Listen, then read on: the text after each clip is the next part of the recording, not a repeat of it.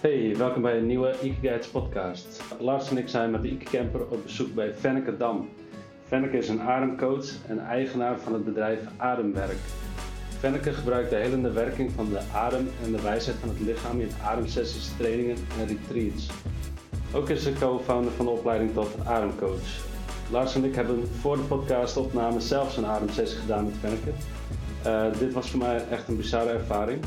Ik had wel wat ervaring met de Wim Hof technieken, maar dit was weer totaal anders. Ik heb sensaties en dingen gevoeld die ik nog nooit eerder had ervaren. En we waren beide na de sessie nog half in een ander universum. Dit hoor je misschien wel terug in de podcast. We staan met de camper op de oprit van Fenneke, dus helaas zul je af en toe wat luide voertuigen op de achtergrond horen. Laat je meenemen in de wereld van ademwerk en Fenneke die haar schat aan ervaring en kennis op een hele invoelende en liefdevolle manier met je wil delen. Veel plezier. Fenneke, welkom bij de Ike podcast. Dankjewel. Uh, we starten de podcast altijd met dezelfde vraag en dat is, uh, hoe was je schooltijd? Oh, wat grappig. ik, ik, had echt de vraag verwacht. Wat doe je? Wie ben je? Uh, nee, vanzelf in als het goed is. Die hebben ze in de intro gehoord, denk ik. Oh, goed. Uh, mijn schooltijd. Nou, eigenlijk heb ik dat niet als heel prettig ervaren. Omdat ik um, andere, andere interesses had en andere behoeftes had als kind dan dat er in het schoolsysteem zaten. En ik ben, uh, ik ben ook dyslectisch, dus ik ben heel erg mijn best gaan doen. En ik kreeg het gevoel dat ik niet goed genoeg was, dat ik niet in het systeem paste.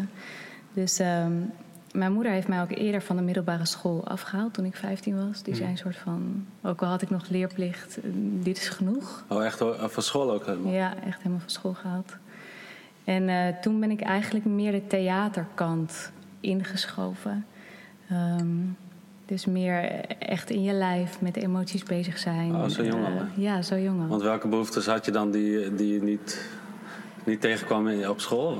Die... Ja, de speelsheid denk ik en de creativiteit en vrijheid. En ik heb vanaf jongs af aan eigenlijk al het gevoel gehad dat ik heel graag mensen weer terug wilde brengen naar hun gevoel. Dus dat, dat was ook mijn intentie om eerst actrice te worden, om op het toneel te staan. Uh, heb ik ook een tijdje gedaan. Hm. Um, om echt weer te zeggen, hey, we, we, mogen voelen, we mogen leven. Alles, alles zit in dat lijf, mag gevoeld worden. En dat had ik gewoon al heel jong. Waar, uh, waar komt het vandaan, denk je? Ja. Ik denk misschien stiekem aan een behoefte om zelf alles te mogen voelen. En ja, ook wel een stukje misschien zelf helemaal geaccepteerd te worden zoals ik ben.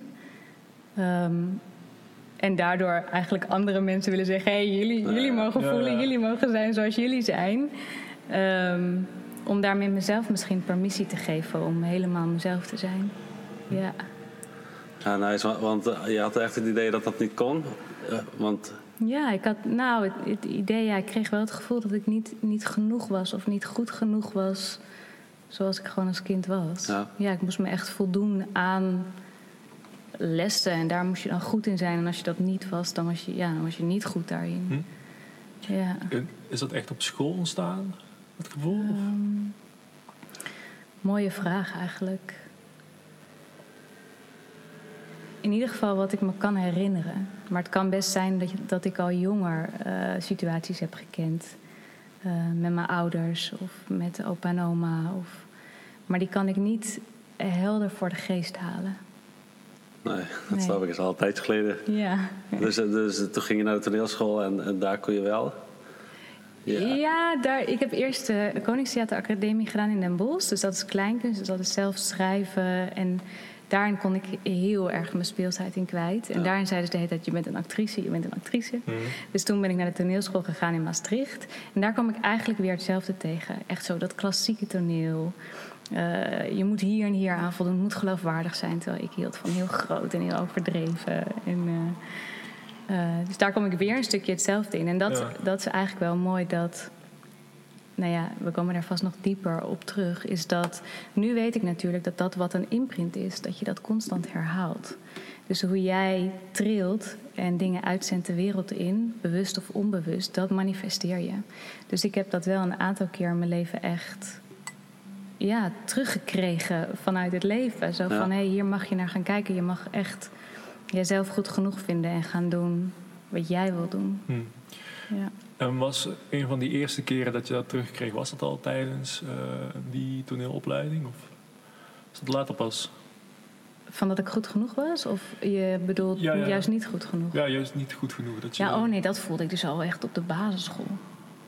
Misschien zelfs op de kleuterschool heb ik dat ervaren. Hmm. Met vriendjes en vriendinnetjes dat ik er niet echt bij hoorde. Of dat het, ja. Maar dan, dan op de toneelschool zou je toch heel veel eh, mensen hebben die ook ja, buiten de lijntjes willen kleuren en zo. Dat je daar eigenlijk heel veel herkenning vindt bij, bij leeftijdgenoten. Of dat ook niet?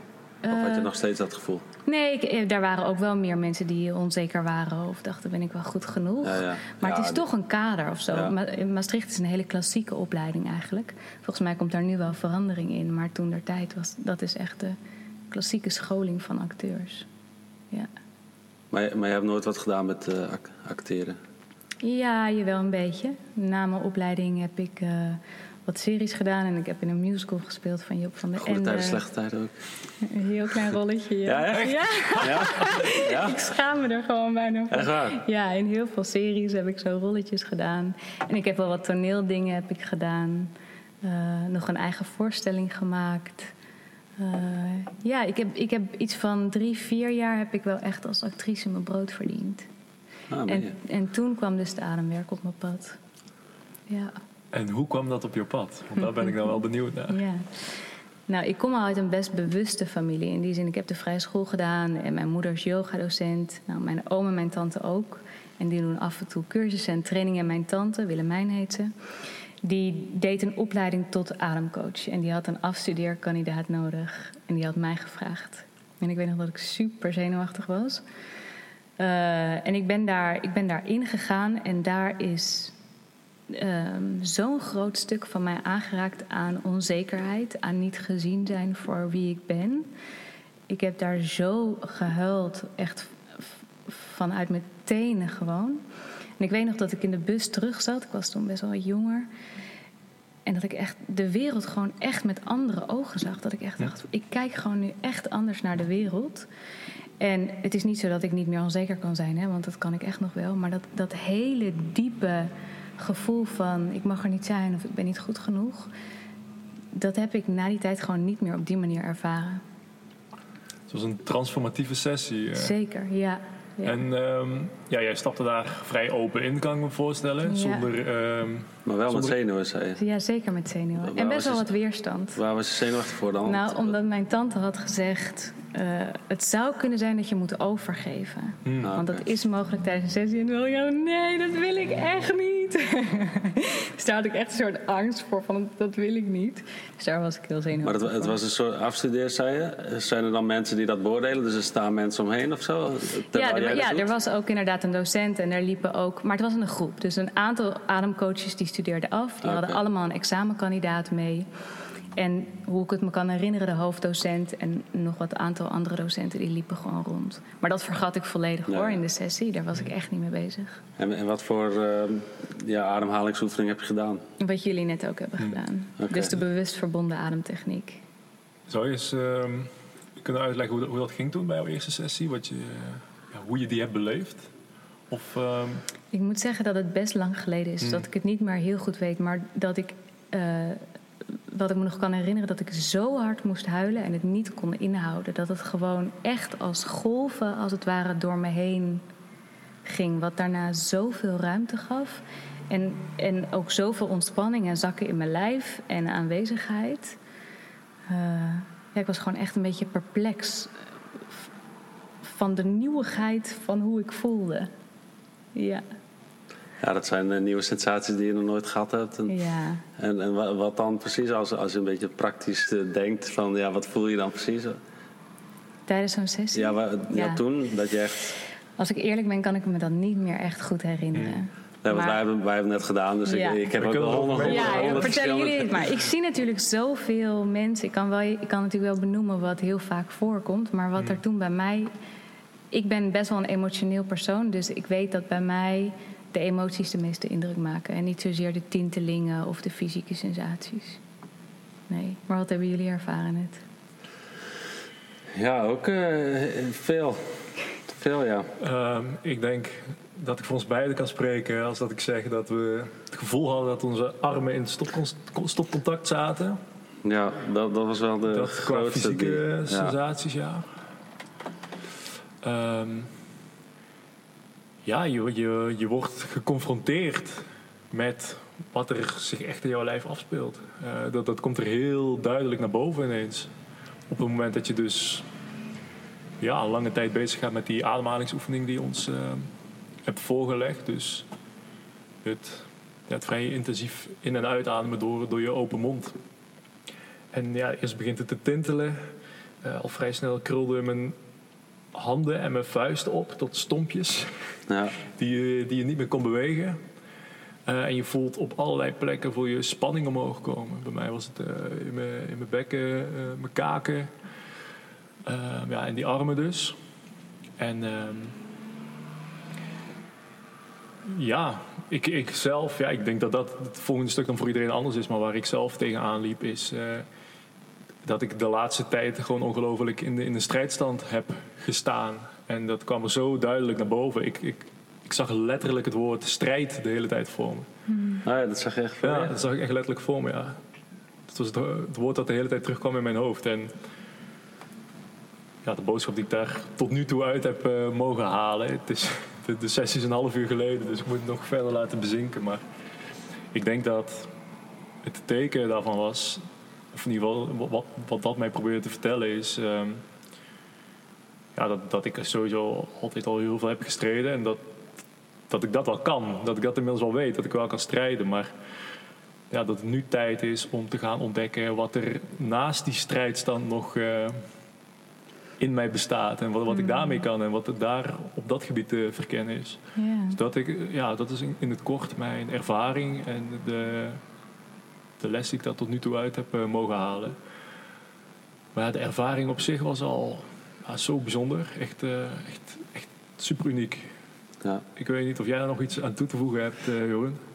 Nou, nou, ja, bij mij was het ook, ook um, ja, verlammend eigenlijk. Dus de armen waren volledig verlamd. Ik kon mijn vingers niet meer bewegen. Echt, ik, ik heb het geprobeerd, want je probeert echt dat tegen te vechten eigenlijk. Of in ieder geval te, te checken van heb ik nog vingers of zo. Dus je bent er wel mee bezig. Um, maar, maar, ook uh, mijn benen waren uh, verlamd en heel veel druk rond mijn... Uh, um, ja, ik denk, ja, rond organen, denk ik. Solar plexus noemen we vaak dat gebied. Je zonnevlecht. Is dat die controleriem? Ja, ja, dat zit bij je controlegordel. Oh, dus, dus het was meer de controlegordel dan de orgaan... Nou, het, ja, het zit wat complex in elkaar. Maar als, het, als daar spanning zit, zo de bovenste drie chakras gaan eigenlijk over openen naar omhoog. De onderste drie over naar beneden openen. En die zit in het midden. Ah. Dus daar komt de frictie eigenlijk. Ja, het, het, was alsof het strakker werd getrokken. Ja, dus Het niet, zozeer, ja, niet zozeer dat er druk op zat, maar echt eh, dat, dat je het gevoel hebt dat het aangetrokken wordt. Dus daar, daar voelde ik echt wel. Um, ja, en, en ja, die, de handen staan het meest uit. De verlamming van, van. Want daarna moesten dan uh, je handen langs je lichaam, et cetera. Maar ik, ik, kon, ik kon gewoon niet doen wat ik wilde. of mijn, mijn benen optillen, dat lukte gewoon niet. Dus dat was. Uh, de verlamming is mij het meeste bijgebleven. Ehm, want, want de oefening was, was bedoeld voor dat je zei dat dan is het om het leven te laten lopen. Dus alles wat je uh, ontvangt en weer loslaat en, en, dat het leven er mag zijn. En er gebeurt zoveel in het leven en dat, en dat ervaar je en dan laat je het weer los. Dat het een, een circulair systeem is, zei Ja. Ik zou nog heel even één seconde terug willen pakken op dat jullie dus eigenlijk beginnen met van hé, hey, ik heb dezelfde sensaties ervaren. Maar allebei dat er iets anders onder ligt. Dus bij jou dat er heel erg strijd omhoog komt. En bij jou een verlamming. En we hadden daar ook eventjes over doorgepraat. En dat het allebei wel herkend wordt in hoe je in elkaar zit en wat je soms ervaart in het leven. Ja. Dus dat is mooi dat sommige sensaties bij mensen hetzelfde kunnen zijn. Maar dat we allemaal andere manieren hebben gevonden om daarmee om te gaan. En er dus wat anders onder ligt. En dat is inderdaad wat er bij zo'n sessie gebeurt. Dus je gaat duidelijker voelen wat er in het systeem zit. En dat is eigenlijk de oefening. Dus door. Kijk, adem, ik moet eigenlijk even een stap terug nog. dus adem, dat is energie. Want er zit zuurstof in de lucht, zet ons lijf om in energie. Dus onze adem is de directe verbinding met onze levensenergie. Nou, als we de adem vasthouden, als we stops maken in de adem, dan zetten we onze levensenergie vast. En misschien, ik weet dat vrouwen het vaker meer herkennen dan als mannen, maar jullie herkennen het vast ook. Als je bijvoorbeeld moet huilen en je wil het niet tonen, bij vrouwen kun je het weer goed zien, die, dan krijg je dit. Dus wat ze eigenlijk doen, is dat ze steeds die adem vastzetten om eigenlijk die emotie maar in het systeem te houden. Dus dat laat zien dat als we de adem vastzetten of heel oppervlakkig ademen, dan voelen we minder en zetten we onze levensenergie vast. Nou, dus weer vol te gaan ademen, je volledige ademsysteem te gaan openen. En je hebt eigenlijk vier gebieden in je ademsysteem. Uh, kan die energie weer helemaal gaan stromen. Nou, met dat stromen kan dat wat we hebben opgeslagen, kan weer in beweging komen. En daardoor kun je dus oude mechanismes, patronen, pijn, nou eigenlijk je hele persoonlijkheidsstructuur, die kan omhoog komen tijdens het ademen en daar kan je je bewust van worden. En eigenlijk pas als je je bewust bent van iets, dan kan je dat gaan veranderen. Kan je daar bewust andere keuzes in maken. Kan je dat toestaan, kan je dat door je heen laten bewegen.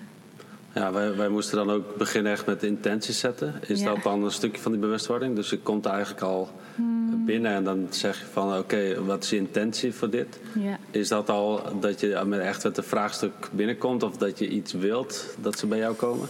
Mag. Sommige mensen komen met een vraagstuk binnen of met een hulpvraag eigenlijk. Maar intentie zetten heeft een, een ander doel, dat is namelijk de energie bundelen als je iets openlaat, dan kan je aandacht overal heen gaan. Ja. Terwijl als je zegt, hé, hey, daar wil ik naartoe. Uh, bijvoorbeeld, uh, een open hart is voor mij belangrijk. Of jouw intentie was, hé, hey, ik wil mezelf ontdekken. Oké, dan is dat de focus van de sessie. Dan richt je je aandacht. En nou ja, als ik je zo hoor, heb je ook een stuk van jezelf daarin duidelijker gezien en ontdekt. Ja, absoluut. Dus, dus hoe meer we onze aandacht richten, eigenlijk heel simpel. Als jij heel veel energie in iets stopt, dan krijg je die energie er ook weer uit. Ja. Dat is ook hoe, hoe, het met werk zit. Als jij gewoon heel veel effort en energie in stopt, ja, dan krijg je dat daar terug. Hetzelfde met een intentie. Dus zo kunnen we heel gericht eigenlijk tijdens een sessie aan thema's werken. Ja, want uh, misschien kunnen we even. Uh, wat was jouw intentie, Lars? Ja, mijn intentie was om een check-in te doen bij mezelf, als het ware. Um, ja, omdat ik vertel dat uh, de laatste tijd er veel gebeurd is. En ik merk dat ik daardoor heel erg veranderd ben. Maar ik ben nog niet, ik ben nog niet helemaal bewust van hoe ik daarin veranderd ben. En ik heb dat nog niet echt in mijn lijf mogen ervaren. Hoe die veranderde Lars er dan uitziet, als het ware. Um, dus ja, vandaar dat ik dit als moment wilde pakken om echt naar binnen te gaan en te kijken wat is er dan veranderd. Is er iets veranderd? Ja.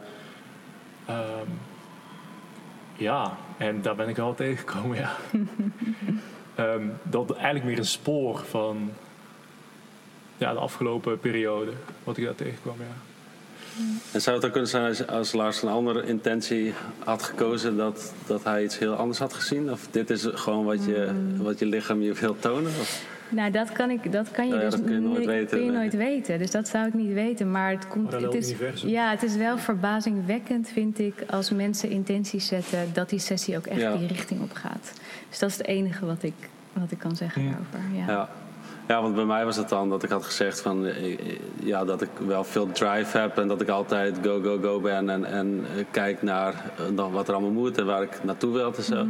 Maar dat ik nooit stilsta bij het moment als je iets hebt, of dat je iets gehaald hebt, of dat je iets mhm. bereikt hebt, of dat soort dingen, dat ik dan alweer door ben naar het volgende.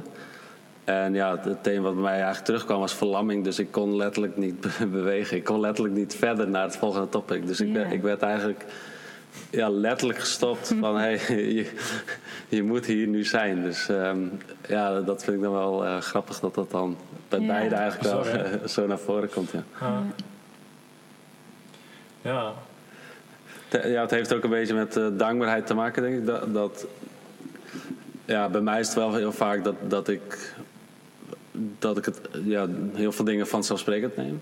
Dus dan, dan sta je ook niet echt stil. Dus dan ben je alweer met de volgende bezig. Maar dat, dat als je verlamd uh, bent, dat je dan eigenlijk ook dankbaar wordt van dat je kan bewegen, zeg maar. En dus dat je um, ja, yeah. echt gedwongen wordt van ja, wat heb je eigenlijk, wat doe je eigenlijk en, en wat heb je nu en, en ja, yeah. pak dat moment. Ja. Hoe, hoe kan het dat als je gefocust bezig gaat met die aanmaling, dat dit dan omhoog komt? Vertelde net al dat die, die ademhaling gekoppeld, is aan uh, zuurstof en energie. Mhm, mhm. Maar heb je daar ja, een verklaring voor? ja, dat is een best grote vraag. Dus ik ga hem proberen zo compact mogelijk uit te leggen. Ja. Dus alles wat we meemaken en de manier waarop we daarmee omgaan, dat beïnvloedt ons lijf. Een heel simpel voorbeeld. Als wij altijd stress hebben en we doen altijd ons best, gaan die schouders omhoog, hebben we nekpijn. Oké, dus hoe wij met de situatie omgaan heeft invloed op ons fysieke lijf. Heeft ook invloed op je adempatroon. Ehm, dus eigenlijk de manier waarop je ademt is je persoonlijkheidsstructuur. Door actiever te gaan ademen komt je persoonlijkheidsstructuur dus meer omhoog en kan je er bewust van worden. Dus je zegt eigenlijk dat onbewust mm invloeden vanuit het leven, de dingen die we meemaken, de dingen die we voelen, dat die op onze ademhaling slaan en dat het erin kan slijten. Ja joh, ons lijf maakt altijd alles mee. En als we iets niet kunnen doorvoelen op het moment, dus als we de adem hebben vastgezet, dan wordt dat ergens opgeslagen uh, op celniveau in het systeem. En dat creëert spanning, dat creëert fysieke klachten. Nou, ik had het net over die schouders. Uh, dat kan echt tot in extreme mate. Maar het kan ook zijn dat er dus inderdaad overtuigingen vastgezet worden. Ja. Nou, dat, dat is wel, denk ik, voor iedereen relevant in, in dat opzicht. En, en ik heb wel eens gehad, dan luister ik een podcast en toen zei iemand, laat je schouders vallen of zo. En toen dacht ik, oh fuck. Dat, dat het ook letterlijk op dat moment dat je denkt, ja, hmm. ja hij heeft gelijk. En, en, het, en het dropt dan ook meteen. Ja. Um, wat, wat, voor... Um, ja, wat komt er bij jou langs? Wat voor type mensen? Is het, is het van alle lagen van... van... Ja, Um, ja, zo de jongste die ik heb gehad is 14. En de oudste man die ik begeleid heb, een tijd, die was 82. Dus daarin het verschil. Uh, ik heb zelf mijn praktijk in Amsterdam. Uh, dus veel, veel Amsterdamse juppen, maar ook veel in het bedrijfsleven doe ik. Wat wel belangrijk is, is dat mensen er echt klaar voor zijn. Dus dit echt willen aankijken in zichzelf. Ja. Dus ik push mensen ook nooit, want dat heeft helemaal geen zin. Als iemand er niet voor open staat, dan gaat zo'n systeem gewoon dicht en dan gebeurt er gewoon heel weinig. Misschien wat fysieke sensaties, maar dat is het. En met kinderen dan? Ja, met kinderen kan je het alleen doen als ze al het bewustzijn hebben dat wat er omhoog komt oud is. Ja, ja. Want we doen dus een sessie liggend en we ademen, dus in dat moment gebeurt er eigenlijk niks speciaals. Maar als ze kunnen weten, hey, dat wat er nu in mijn lijf omhoog komt, dat is oud, ja, precies. dan kan het. Ja. Want, want dit is dan één methode die je doet. Je doet waarschijnlijk mhm. veel meer methodes. Hmm, dit is wel echt de basis. Dus tijdens de opleiding leren we ook nog allemaal andere technieken die transformerend zijn. Maar mijn interesse ligt wel echt in transformatie. En dat is eigenlijk gewoon vaste energie weer terug in beweging brengen. En daar zit voor mij inderdaad het leven in. Van hey, mag het stromen? Mag ik alles in het leven voelen? En wat ik net kort al in het begin ook even zei, je kan ook gewoon de adem heel gericht inzetten om bijvoorbeeld je zenuwstelsel te kalmeren als je gestrest bent. Maar ik vind het dus veel interessanter om te gaan kijken: hey, wat maakt nou dat je altijd gestrest bent? En kunnen we die oorzaak bewust maken en daar ruimte in brengen en verzachting in brengen, zodat je niet altijd gestrest hoeft te zijn? En dat, en dat, doe je alleen met ademhaling of doe je ook uh, begeleiding na de tijd? Dat er iets omhoog komt en dat je dan na, de tijd ook nog zit en met iemand en, en een plan hebt? Uh, of, plan de campagne. Nou ja, ja hoe, je, hoe je met het ja, wat naar de oppervlakte komt om daarmee om te kunnen gaan. Ja. Het is niet echt een plan hoor, maar dit is dus een bewustwordingsproces. Dus wat ik vaak eerst doe in een intake is kijken, hé, hey, waar is iemand zelf al bewust van? Uh, dan op sommige dingen waarvan ik denk, oh, daar kan iemand nog niet helemaal bij, daar licht op schijnen. Dan nemen we dat mee de sessie in. Dat komt vaak dan ook nog extra omhoog, kan gevoeld worden. Zodat iemand het ook voelt in het lijf en voelt wat dat doet. En daarna is er nog een stuk waarin we gaan kijken, hey, hoe kan je daarin nou stappen maken in je dagelijks leven. Dus bijvoorbeeld met jou met de strijd zou ik op onderzoek gaan van hey, waar zou je meer los kunnen laten in het leven en kijken of je een beetje flow kan ervaren. En dat is soms best spannend, omdat we zo hebben geleerd, hey, die strijd die werkt blijkbaar voor een deel. Uh, en durf je dus even niet te strijden. En wat kom je dan in jezelf tegen? Durf je gewoon achterover te leunen en te denken, nou, er komt wat er komt en ik zie het wel. Ja, en dan ga ik kijken van, hé, wat is daar in jouw leven voor nodig? Ja. Ja. ja. Ja, dus het is echt enerzijds, het is voornamelijk eigenlijk het blootleggen van ehm, de patronen. Mhm. Maar daarnaast ook een stukje ja, de daadwerkelijke oplossing, de, naar de daadwerkelijke kern van het probleem gaan. Want de, de verstoring in de ademhaling, dat is eigenlijk alleen maar een symptoom van iets onderliggends. Klopt. Wat dus niet opgelost hoeft te worden. Want oplossen betekent altijd dat er iets niet zou mogen zijn. En hm. ik leer mensen dat alles er mag zijn. Dat, dat is de oplossing.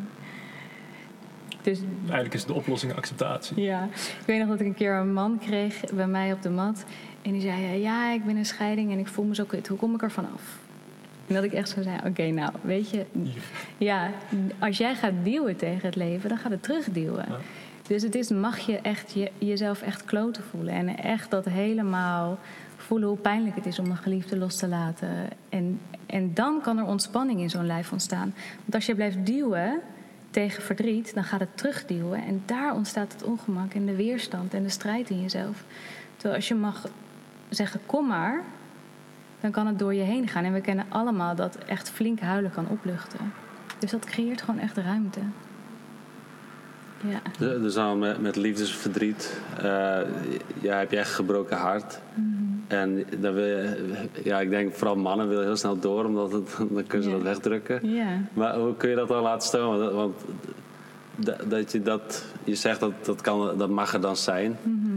maar je, ja, je wilt natuurlijk niet dat dat er is. Hoe, Dus oefenen om daar wel mee te zijn. Want wij hebben zo in het Westen geleerd dat we zo, als je boos bent, moet je naar je kamer. Zo huilen, ja, nu is het wel klaar.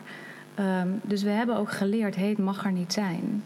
Terwijl, ik geef vaak het voorbeeld van de dag en de nacht. We hebben gewoon alles in het leven, het donker en het licht. En als je echt in de donkerte kan gaan staan, echt in de nacht durft te staan, dan is dat eigenlijk prachtig. Er is zoveel stilte, zoveel wijsheid, die sterren. Dus als jij werkelijk durft te stappen in verdriet, in boosheid.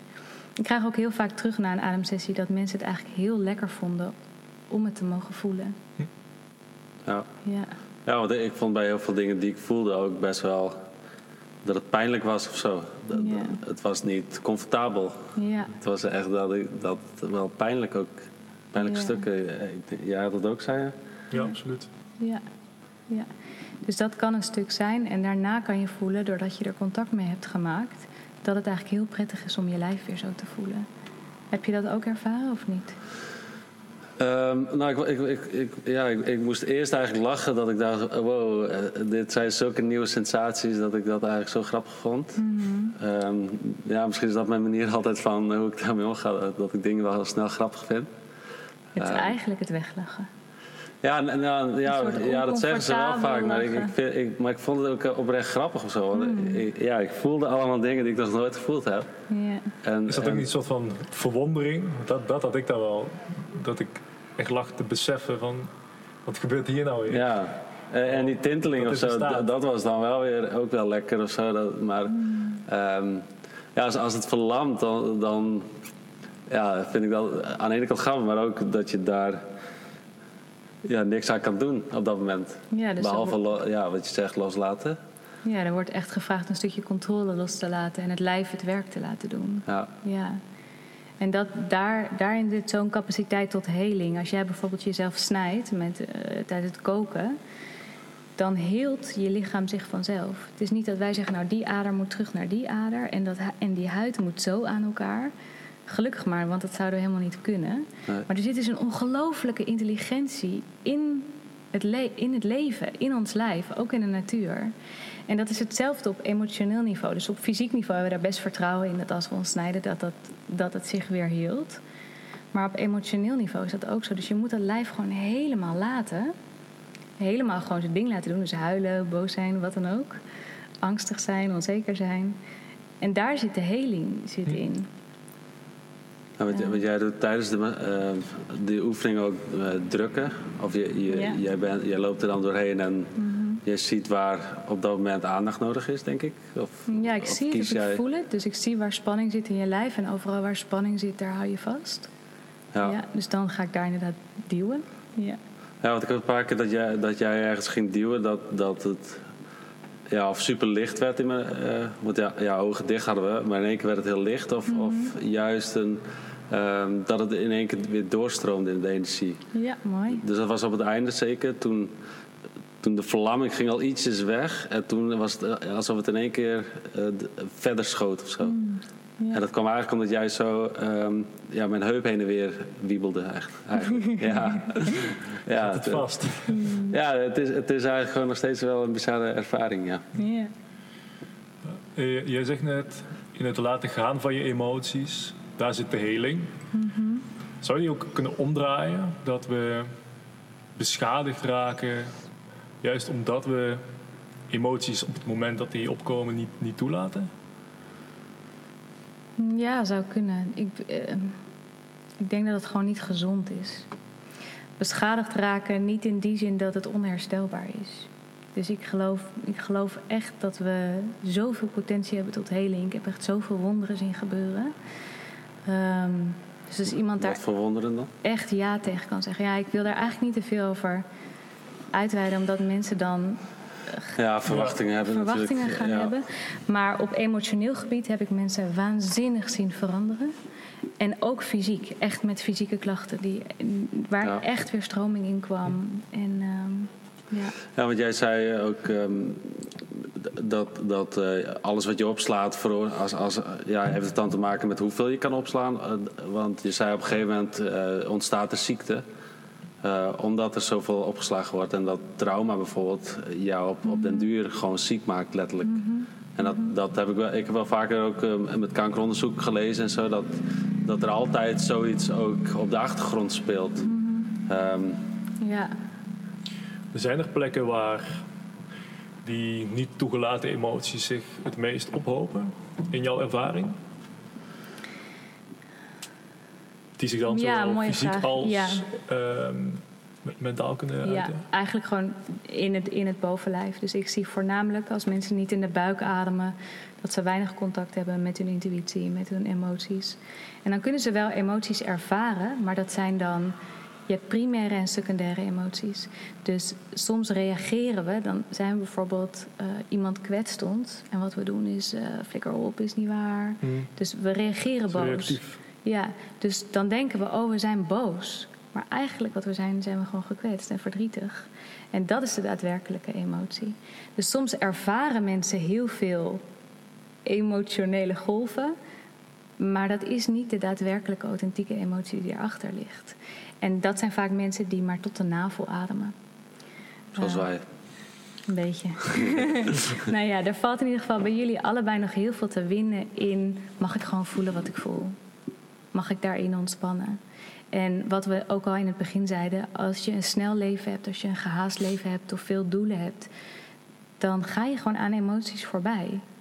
Voor emoties is zakken in het moment nodig, in aanwezig zijn, in ademen, in ontspannen. Als we altijd gespannen zijn, dan houden we vast. We kunnen pas iets voelen als we ontspannen, want dan kan het bewegen. En hoe zou je dat dan praktisch aanpakken? Want ik had wel het idee dat ik nou, zeker de laatste tijd, mm mijn emoties er liet zijn. Mm Maar nu achteraf denk ik, ja, dat deed ik alleen met mijn hoofd, maar niet met mijn, ah. niet met mijn lichaam. Ik voelde het niet. Ik besefte alleen dat ik iets voelde en voor mijn gevoel uh, liet ik het er dan zijn. maar ging ik ondertussen waarschijnlijk gewoon verder met werken of uh, lezen of wat dan ook. Yeah. Hoe, hoe kan je jezelf de tijd gunnen om het daadwerkelijk te voelen? Elke dag ademen. Adem is echt de sleutel toe. Nou, er zijn meer sleutels hoor. Hm. Al het lichaamswerk eigenlijk. Maar de adem werkt voor mij gewoon heel direct omdat je die altijd bij je hebt. Dus als jij je adem verbindt, dat gewoon weer laat stromen en je aandacht richt op je lijf, uh, dan ben je al, uh, maak je al een hele grote stap. En dan specifiek deze oefening die wij gedaan hebben? Of, of... Hoeft niet, kan ook gewoon door je neus. Dat je drie tellen inademt door je neus en drie tellen uit. Maar wel in die drie gebieden die we dus geoefend hebben. Dus voor de mensen die nu luisteren, zo echt de adem eerst in je buik, dan naar je flanken brengen, dan naar je borst, helemaal omhoog en weer terug. Dat je die drie gebieden opent um, en verbonden maakt. Dus alle adempauzes daaruit halen, alle stops eruit halen. Rond, Circulair, ja. ja. En dit zou je dan doen op het moment dat je merkt dat je een, intense emotie hebt. Bijvoorbeeld, maar ik zou er ook gewoon elke ochtend mee beginnen om weer even zo... oh ja, dit is mijn adem, dit is hoe ik nu ben opgestaan, dit is hoe ik me voel. Want doordat je even een soort reset doet, kan je dat makkelijker meenemen de dag in. Ehm, dus dat is ook wat wij, als ik trainingen geef of als ik de opleiding, als ik daar les geef, die mensen, zeker van de opleiding, moeten elke dag 20 minuten zelf ademen. Verschillende technieken. En dan gebeurt er zoveel bij die mensen. Dus, eh, dus ook als je gestrest bent, is dit een perfecte manier om, om dat nou, heel snel te, te keren? ja, dus daar komen we weer. Kijk, als je echt een presentatie moet geven en je bent heel gestrest, dan zou ik niet zeggen: ga dit doen. Want dan wordt de stress eerst erger. Ja. Omdat we ruimte geven aan dat wat er is. En dan kan je misschien je presentatie niet meer geven. Dus dan zou ik denken: hey, doe bijvoorbeeld een techniek die je zenuwstelsel kalmeert. En dat het zenuwstelsel kalmeren is over het algemeen een langere uitademhaling doen. Dus bijvoorbeeld drie in, zes uit. Of vier in, acht uit. Als je dat al doet. Ehm, en daarnaast zou ik gaan kijken, hey, wat maakt dat ik nou zo gestrest ben als ik een presentatie moet geven? En dan ga je weer dit doen. Maar dat doe je los. Dat doe je niet tijdens de presentatie. Nee, nee. ik denk inderdaad dat mensen juist heel vaak stress hebben zonder dat ze weten waar het vandaan komt. En een presentatie is dan nog wel tastbaar. Ja, klopt. Maar ook dat mensen thuiskomen van werk en eh, snel dit, snel koken, snel dat. Mhm. Dat ze zich opgejaagd voelen, maar geen idee mhm. hebben waarom. Ja. Maar misschien wel door al vanaf kind eigenlijk al dat ze niet goed genoeg uh, voelen of dat ze er niet bij horen. Of, of, dat dat zelfs wanneer ze volwassen zijn nog steeds dagelijkse stress Vaak is dat zo. Ja. ja. Dus we moeten zoveel doen omdat we denken dat we anders niet goed genoeg zijn. En dit klinkt nu een soort heel. Uh, soms is het zo, ja, Jezus weer dat van uh, voel me hm. niet goed genoeg of ik ben niet goed genoeg. En toch is, is dat zo'n fundamenteel ding bij zoveel mensen. Dat ze gewoon. Ja, Hoe komt dat, denk je dan? Ja, ik denk echt door de maatschappij waarin we leven. Dat, dat, dat we zo in een systeem worden gepropt waar gewoon veel mensen niet in kunnen. En dat het niet gaat over hey, wie ben jij, maar wat kan je. Maar dat het ook vaak letterlijk gezegd wordt. Ja, ja kan letterlijk Kinderen zijn vrij hard en soms leraren wel, maar ook op social media eh, zijn we heel hard en zo. Dus ja, ook, ook dat het heel veel gezegd wordt. Ik. Zou kunnen, maar het is ook vaak een gevoel. Ja. Weet je, het is ook al als uh, je moeder bijvoorbeeld altijd met vriendinnen is en die zegt dan niet uh, je mag er niet bij. Maar dat gevoel heb je dan dat er geen ruimte voor je is. Dus het kan ook prima zonder worden. Ja. En um, die, die, um, die ademhalingsoefening, of uh, die ademhaling die je dan met de neus doet en zo. Want, want gemiddeld per minuut heb je, heb je daar een, een um, indicatie bij wat, wat je vast moet houden. Want volgens mij zitten heel veel mensen al op 20 ademhalingen per minuut of zo. En dat is echt super hoog, waardoor je eigenlijk ook eigenlijk constant aangeeft van hé, hey, ik heb stress. Ja. Of het lichaam constant zegt van hé, hey, je zit in een stresssituatie. Klopt. Um, terwijl het toch redelijk normaal is. Want ik heb, ik heb wel eens een keer gepost van hé, hey, tel eens je ademhaling.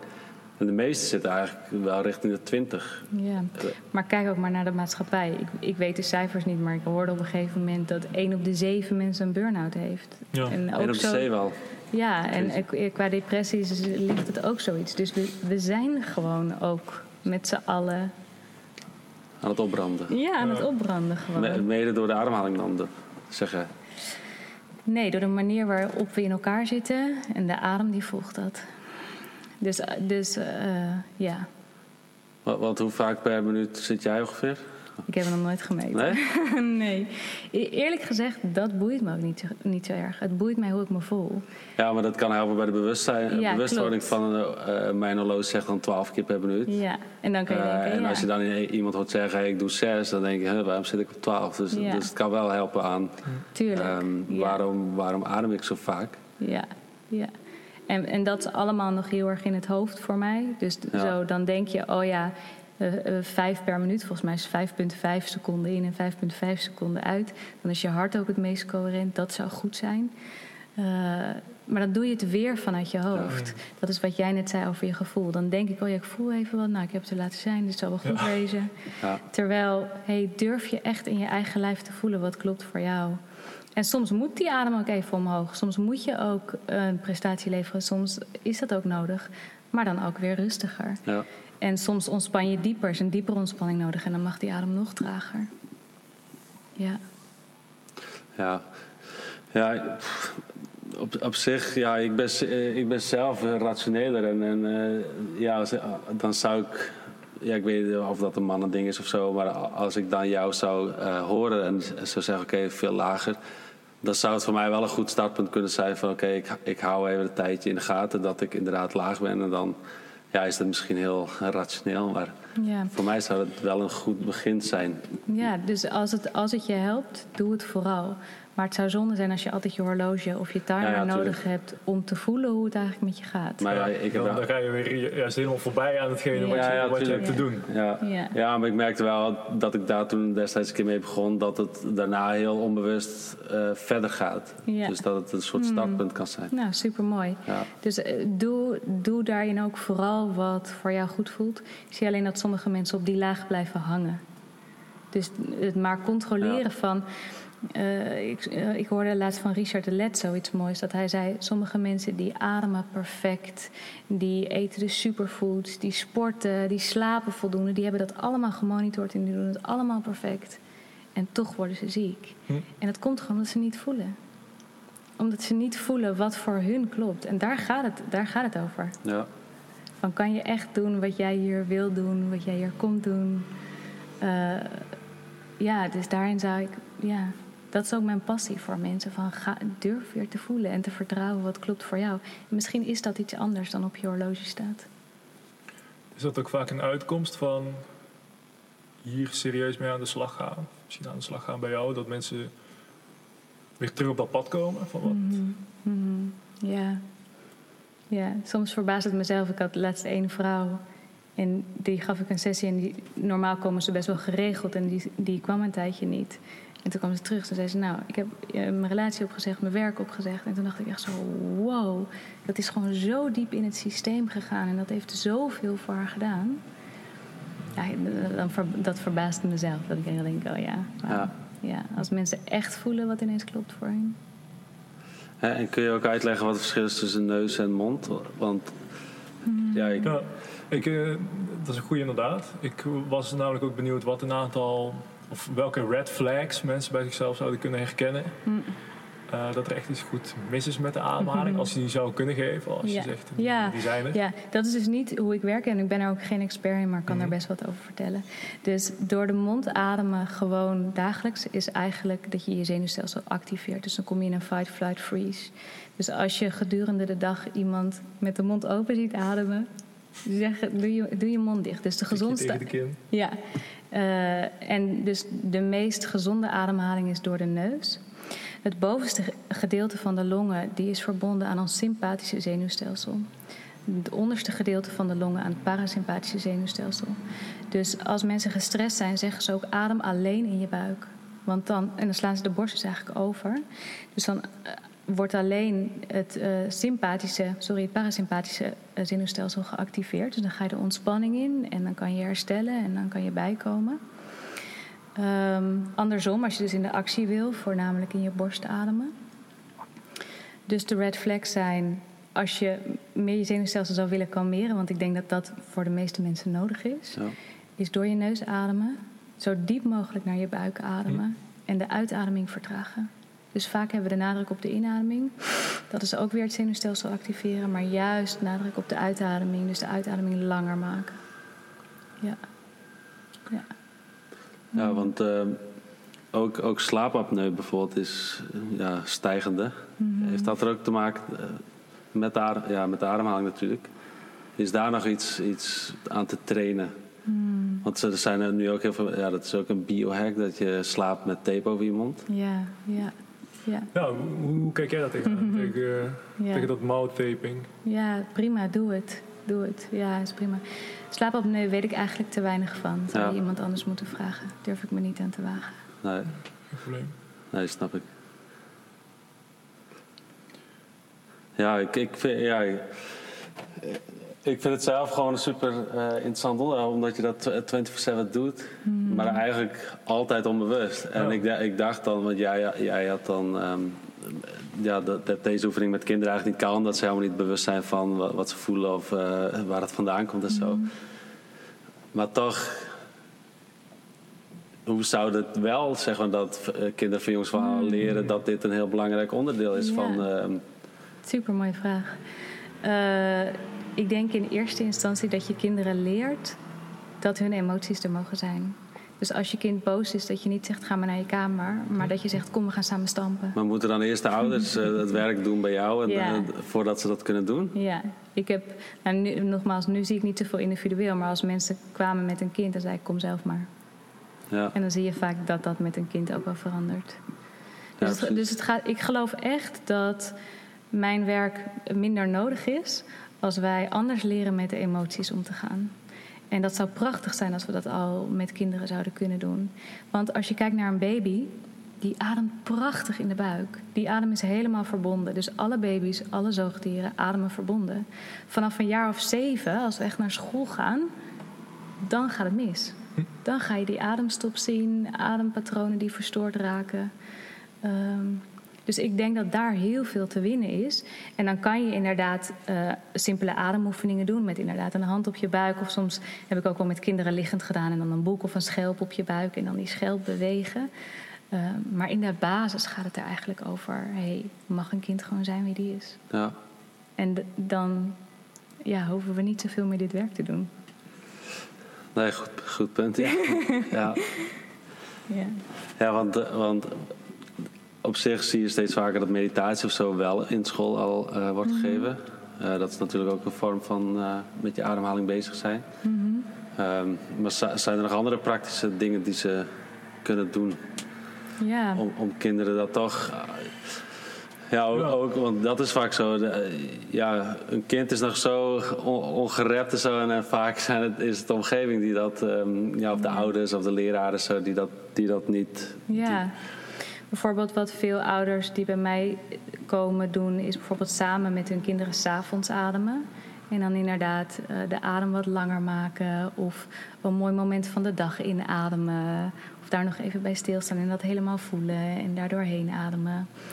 Um, wat ook een hele mooie manier is om te zingen. Want als je zingt, maak je de uitademing ook veel langer. Dus dan kalmeer je sowieso ook je zenuwstelsel. Dus dat is ook bijvoorbeeld met mantra's zingen. Ik weet niet of jullie dat ooit hebben, ooit hebben gedaan. Nee, nog niet. het zou wel leuk zijn om eens te proberen en dan te kijken wat je voelt. Dus mensen voelen zich vaak heel erg verbonden, heel erg rustig, uh, heel erg zacht.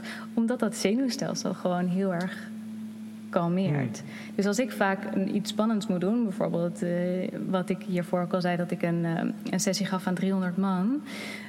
dat vind ik natuurlijk ook ergens een beetje spannend. En dan ga ik gewoon zingen in de auto daarheen, zodat dat zenuwstelsel een beetje rustig blijft, zodat ik daar gewoon lekker kan staan. dat, dat, dat, helpt jou ook echt. Dat helpt me echt, ja. ja. ja. ja. de meeste mensen doen dat gewoon onder de douche of uh, in de, in de auto, zie je dat wel eens. Ja, nou, als je dus veel gestrest bent, of gaat terwijl je de was ophangt, ga zingen. Als je, als je je dan gehaast of gestrest voelt. Ja. Maar ik denk dat dan de meeste gaan, mensen gaan zeggen van uh, de jeugdtrauma's van oh, ik kan niet zingen, ik, ik ben niet goed genoeg. dus uh, dan doen ze dat toch. Toch maar ademen dan. ja. ja. Maar zijn er nog andere manieren waarop jij een, op een doordeweekse dag bewust naar je ademhaling gaat? Want dat is misschien ook wel interessant voor, uh, voor mensen die luisteren. Ehm, ja, hoe ga ik dat toepassen in mijn dagelijkse leven? Want je kan natuurlijk niet 24-7 bewust bezig zijn met je ademhaling. Tenminste, dat, dat denk mm. ik dat dat moeilijk is. Ja, ik, ik kan dat niet hoor. Maar ik denk wel dat, dat we. Kijk, bijvoorbeeld als ik nu met jullie praat en ik breng weer even extra mijn aandacht naar mijn lijf, dan kan ik mijn voeten voelen terwijl ik ook met jullie praat en jullie in de ogen kijk. Hm. Kennen jullie dat nu ook? Ja. Dus dat betekent dat ik ook mijn adem kan voelen als ik gewoon dingen doe of als ik met mensen in gesprek ben. Dus eigenlijk kan het wel. Het is een soort van verwijding van je bewustzijn dan. Klopt. Ja, dus het, dus het kan zeker. En ik denk ook dat we daar meer naartoe moeten. Van hey, kan ik mezelf blijven voelen terwijl ik met jullie in gesprek ben? En dus ook voelen wat voor mij klopt en niet. En wat ik wil zeggen en niet. Um, ik ben je vraag kwijt. Nou, ik vroeg um, of er momenten zijn in jouw dagelijks leven waar oh, je echt bewust naar die ademhaling toe gaat. Ja, um, ja, dus ik, ik begin de dag eigenlijk met ademen. Ik zet eerst een kopje thee, maar dan ga ik ademtechnieken doen. En het kunnen allemaal verschillende zijn. Dus als ik meer energie nodig heb, dan doe ik een wat actievere. Als ik meer rust nodig heb, dan doe ik een wat rustiger. Wel allemaal transformerend, dus wel allemaal verbonden, zodat ik even die energie voel. En ik heb natuurlijk werk waar ik de hele tijd met de adem bezig ben. Oh, dus ik word zelf de hele tijd uitgenodigd om mijn eigen adem te voelen, om mijn eigen lijf te voelen. Ja, want dat wil ik ook nog vragen. Is, is, jij hebt dan deze, wat wij gedaan hebben, dus heel vaak gedaan. Als je dat nu weer zou doen, zou er dan nog steeds iets uh, naar boven komen? Of eh, ben je gewoon mm. super neutraal en helemaal zen? En, uh, het, het is wel veranderd gedurende de jaren. Dus eerst kwam er echt gewoon, even grof gezegd, de shit uit. Dus, mm. dus de pijn uit. Um, en nu kan er nog steeds wel eens een, vleug van verdriet komen, maar het is meer veranderd in een soort dankbaarheid voor het leven. Dus um, ervaringen als dat ik me helemaal verbonden voel met iedereen, of dat ik, dat ik mijn eigen hart voel en voel wat ik in de wereld wil neerzetten. Hm. Dus dat, ja, het verandert echt wel. Ja. Is, dat, is dat heel specifiek dankbaarheid? Um, nou, hm? het zit een beetje in die hoek. Kan ook, kan ook liefde zijn of kan uh, inspiratie zijn. Hm. Maar toch, uh, ja, en dankbaarheid hoor ik ook wel bij veel mensen terug. Gewoon echt dankbaar voor het leven. Dankbaar dat je mens mag zijn. Denk jij dat dat de hoogste vibratie is, dankbaarheid? Ah, dat weet ik niet precies. Hij zit wel heel hoog, weet ik. Maar ik weet niet of het de hoogste is. Ja, want, ja dat vroeg ik me af. Misschien dat je op een gegeven moment zo zo goed je emoties kan voelen en uh, die je ook zo goed doorvoelt dat mhm. wanneer je zoiets intens gaat doen, zo'n intensieve ademhalingstraining, dat je dan in je allerhoogste emotie komt, je allerhoogste vibratie. Ja. Dat je dan misschien dankbaarheid voelt. Ja, dat is mooi om te onderzoeken, weet ik niet. Ik weet in ieder geval niet of het de hoogste is, maar ik weet wel dat dankbaarheid inderdaad veel, veel terugkomt. Ja. ja. En dat is ook iets wat we niet veel doen, denk ik. Dankbaar zijn. Ja. Mhm. Maar dat heeft dan weer met de emoties. Uh, ja. Eigenlijk is het gewoon een maatschappelijk probleem die we hier eh, bespreken. nou, Iedereen ademen. Ja, de conclusie die ik tot nu toe trek is, is dat ja, je een ademhalingsoefening hebt voor iedere, probleem eigenlijk een beetje, voor iedere situatie. Mm. En uh, dat het een medicijn, ook, ook daadwerkelijk een medicijn kan zijn mm. voor heel veel problemen die we ervaren. Ja. Eigenlijk onze afsluiting van onze emoties. Ja. Dat ademhaling daar misschien wel de sleutel weer tot terug is. Ja, medicijn vind ik zelf een beetje lastig woord, maar het is inderdaad een, een, een healing tool. medicijn is een beetje een ja, fysiek woordje. Ja, nou ja, zo alsof, alsof medicijn staat alsof er iets verholpen moet worden, terwijl dat moet er juist niet. Nee, ja, dat, dat, dat, dat klinkt dan heel zweverig of zo. Ja, dat, dat moet dan niet, maar eigenlijk wil je er wel vanaf. Hm? Toch? Nou, ja, en, en, daar, en daar komt eigenlijk in dat dit is uh, persoonlijke ontwikkeling, spiritueel werk is, is dat als je gewoon kijkt naar energie en je wilt ergens vanaf, dus je duwt iets weg, alles wil bestaansrecht hebben in het leven. Dus dan duwt het gewoon terug. Ja. En dan krijg je dat gevecht in jezelf. Ehm, dus wat we eigenlijk doen als we ergens vanaf willen, is juist dat liefdesverdriet helemaal laten komen. En als je echt flink mag huilen, als het echt door je systeem heen mag bewegen, dan is het daarna echt een stuk ruimer. Voel je je vrijer, voel je je bewegelijker, voel je je fitter. Ik heb bijvoorbeeld ook, als ik moe rondloop, dan weet ik, ik zit iets te onderdrukken. Als je moe bent? Ja, als ik een beetje zo. Soms heb je natuurlijk gewoon dat je een, een nacht niet slaapt, maar soms heb je ook dat je zo denkt, nou, waarom ik nou een beetje zo, een beetje moe? En dan weet ik gewoon, oh ja, ik ben iets niet aan het toestaan wat ik eronder duw. En die weerstand, ik, ik heb dus weerstand tegen iets en dat duwt. En dat is vet vermoeiend. Dus mijn systeem is de hele tijd dit aan het doen. Ja. En als ik even dit doe, maar dan moet ik wel even gaan zitten. Moet ik wel eventjes denken, oké, wat is er? Oh ja, ik doe alles alleen. Of wat dan ook. Je vindt vaak wel het antwoord dan? Misschien niet zozeer in woorden, maar wel in dat ik, dat ik even mag voelen wat er eigenlijk is. Ja. ja. ja. Ja, gaaf. En ja, we vroegen dus net uh, welke methode of welke momenten op de dag jij pakt om bewust door te ademen. Waren bij de, bij de ochtend. Ja, de ochtend, omdat ik inderdaad dan um, al een soort mezelf veranker in aanwezigheid. Wat ik de dag gewoon in kan nemen. En ik doe het ook wel als ik echt geraakt word in iets. Als iets me triggert, dat ik even denk: oh ja, niet vastzetten, mag ik het voelen? Wat dan soms best spannend is. Heb je daar nog een recent voorbeeld van? Als je het wil delen? Mm, ja, nou wat ik, en dat is wel echt iets waar ik zelf eh, zoekende in ben, is dat als je dit werk gaat doen, gaan mensen aannames doen of projecties eigenlijk. Mhm. Dus wat mensen vaak doen is mij ophemelen. Wow, jij kan dat, je bent geweldig is helemaal niet waar. Ik ben net als iedereen. Ik, ik, begrijp alleen dit werk. Dus dat projecteren ze op je. Nou, dat is nog wel leuk, want dat is positief. Dus dat mhm. vind je ego nog wel. Dat je denkt, nou ja, oké. Ja. Maar het kan ook andersom. Hm? Dus het kan ook dat mensen zeggen... en dat hebben we vaker, komt het voor in de opleiding... want het is een dieper traject. Is dat mensen zeggen, ja, en je was er niet toen ik je nodig had. En eigenlijk wat er gebeurt, is dat ze iets voelen van... hé, hey, ik voel me alleen. Dat komt omhoog tijdens het ademen... En dan projecteren ze dat bijvoorbeeld op mij als docent, van dat ik er niet was. Maar eigenlijk is dat bijvoorbeeld hun ouder die er niet was vroeger. En dat is dan wat omhoog komt. Nou, om dat geprojecteerd te krijgen, dat kan me soms af en toe wel raken. Ik moet wel echt zeggen dat ik daar steeds beter in word om dat terug te geven. Want dan heb ik dus te zeggen: Oh joh, hey, kan je dat er laten zijn? Herken je dit gevoel? Ehm, heeft het daadwerkelijk nu met deze situatie te maken? Hmm. Of zit het al langer in het systeem? Ja. Uh, ja, en dat echt bij hun te laten, want dat is hun proces en hun pijn. Ehm, dus dat vind ik af en toe uh, kan me wel raken. En wat soms ook is, is dat mensen, wat jij zegt van ik heb wel eens de Wim Hof gedaan en ik heb weerstand, is dat uh, het best regelmatig voorkomt dat mensen geen zin hebben om naar je toe te komen. Dus ik heb geen zin om te ademen, want ik weet dat er iets is wat je voelt. Mm. En, en soms denk ik, oh ja, oké, nou kom maar, die weerstand mag er zijn. Ja. Ja, want jij zei bij mij bijvoorbeeld dat ik af en toe weg ben. Ja. Of tijdens de sessie dat ik weg was. Ik heb zelf ook een paar keer gedacht dat ik weg was, inderdaad. Maar uh, jij koppelde dat aan het feit dat ik uh, ja, niet toestond wat er kwam of zo. Of dat ik daarvoor wegliep. Nou, de, zo, het is een interessante vraag van wat maakt dat je weggaat? Want waarom zou je weggaan in aandacht? Ja, precies. Maar voor mij was dat een hele onbewuste. Het was meer zo dat ik, dat ik eigenlijk gewoon uh, ja, lekker was. ja.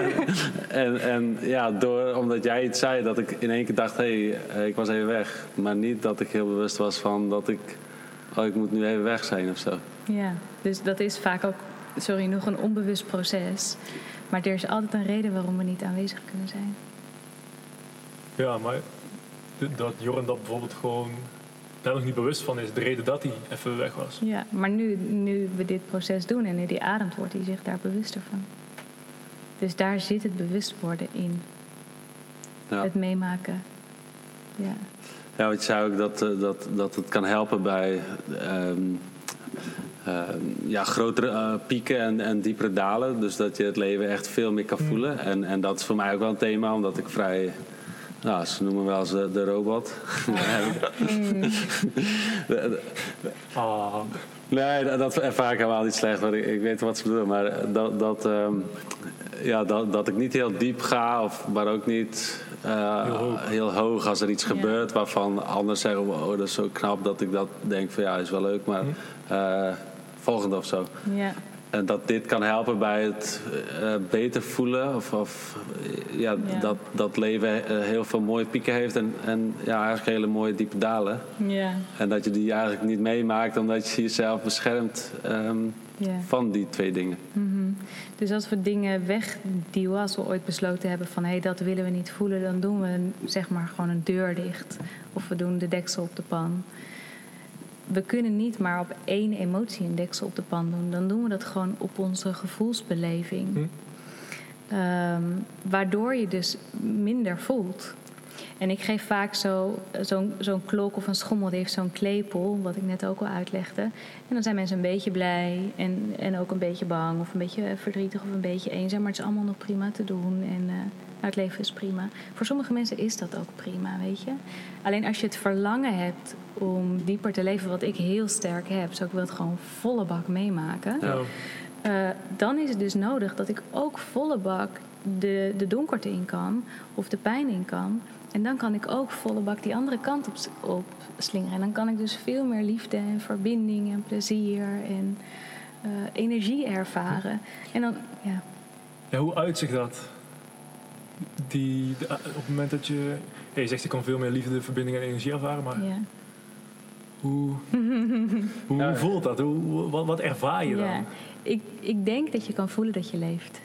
Dus ik kan echt soms, ja, wat lastig om te omschrijven, maar een soort bijna het gevoel dat mijn hart barst van hm? liefde of van energie of van gewoon hoe mooi en hoe geniaal het leven zit. En hoe het in elkaar zit. En de wereld. En daarin kan ik ook heel erg voelen wat een.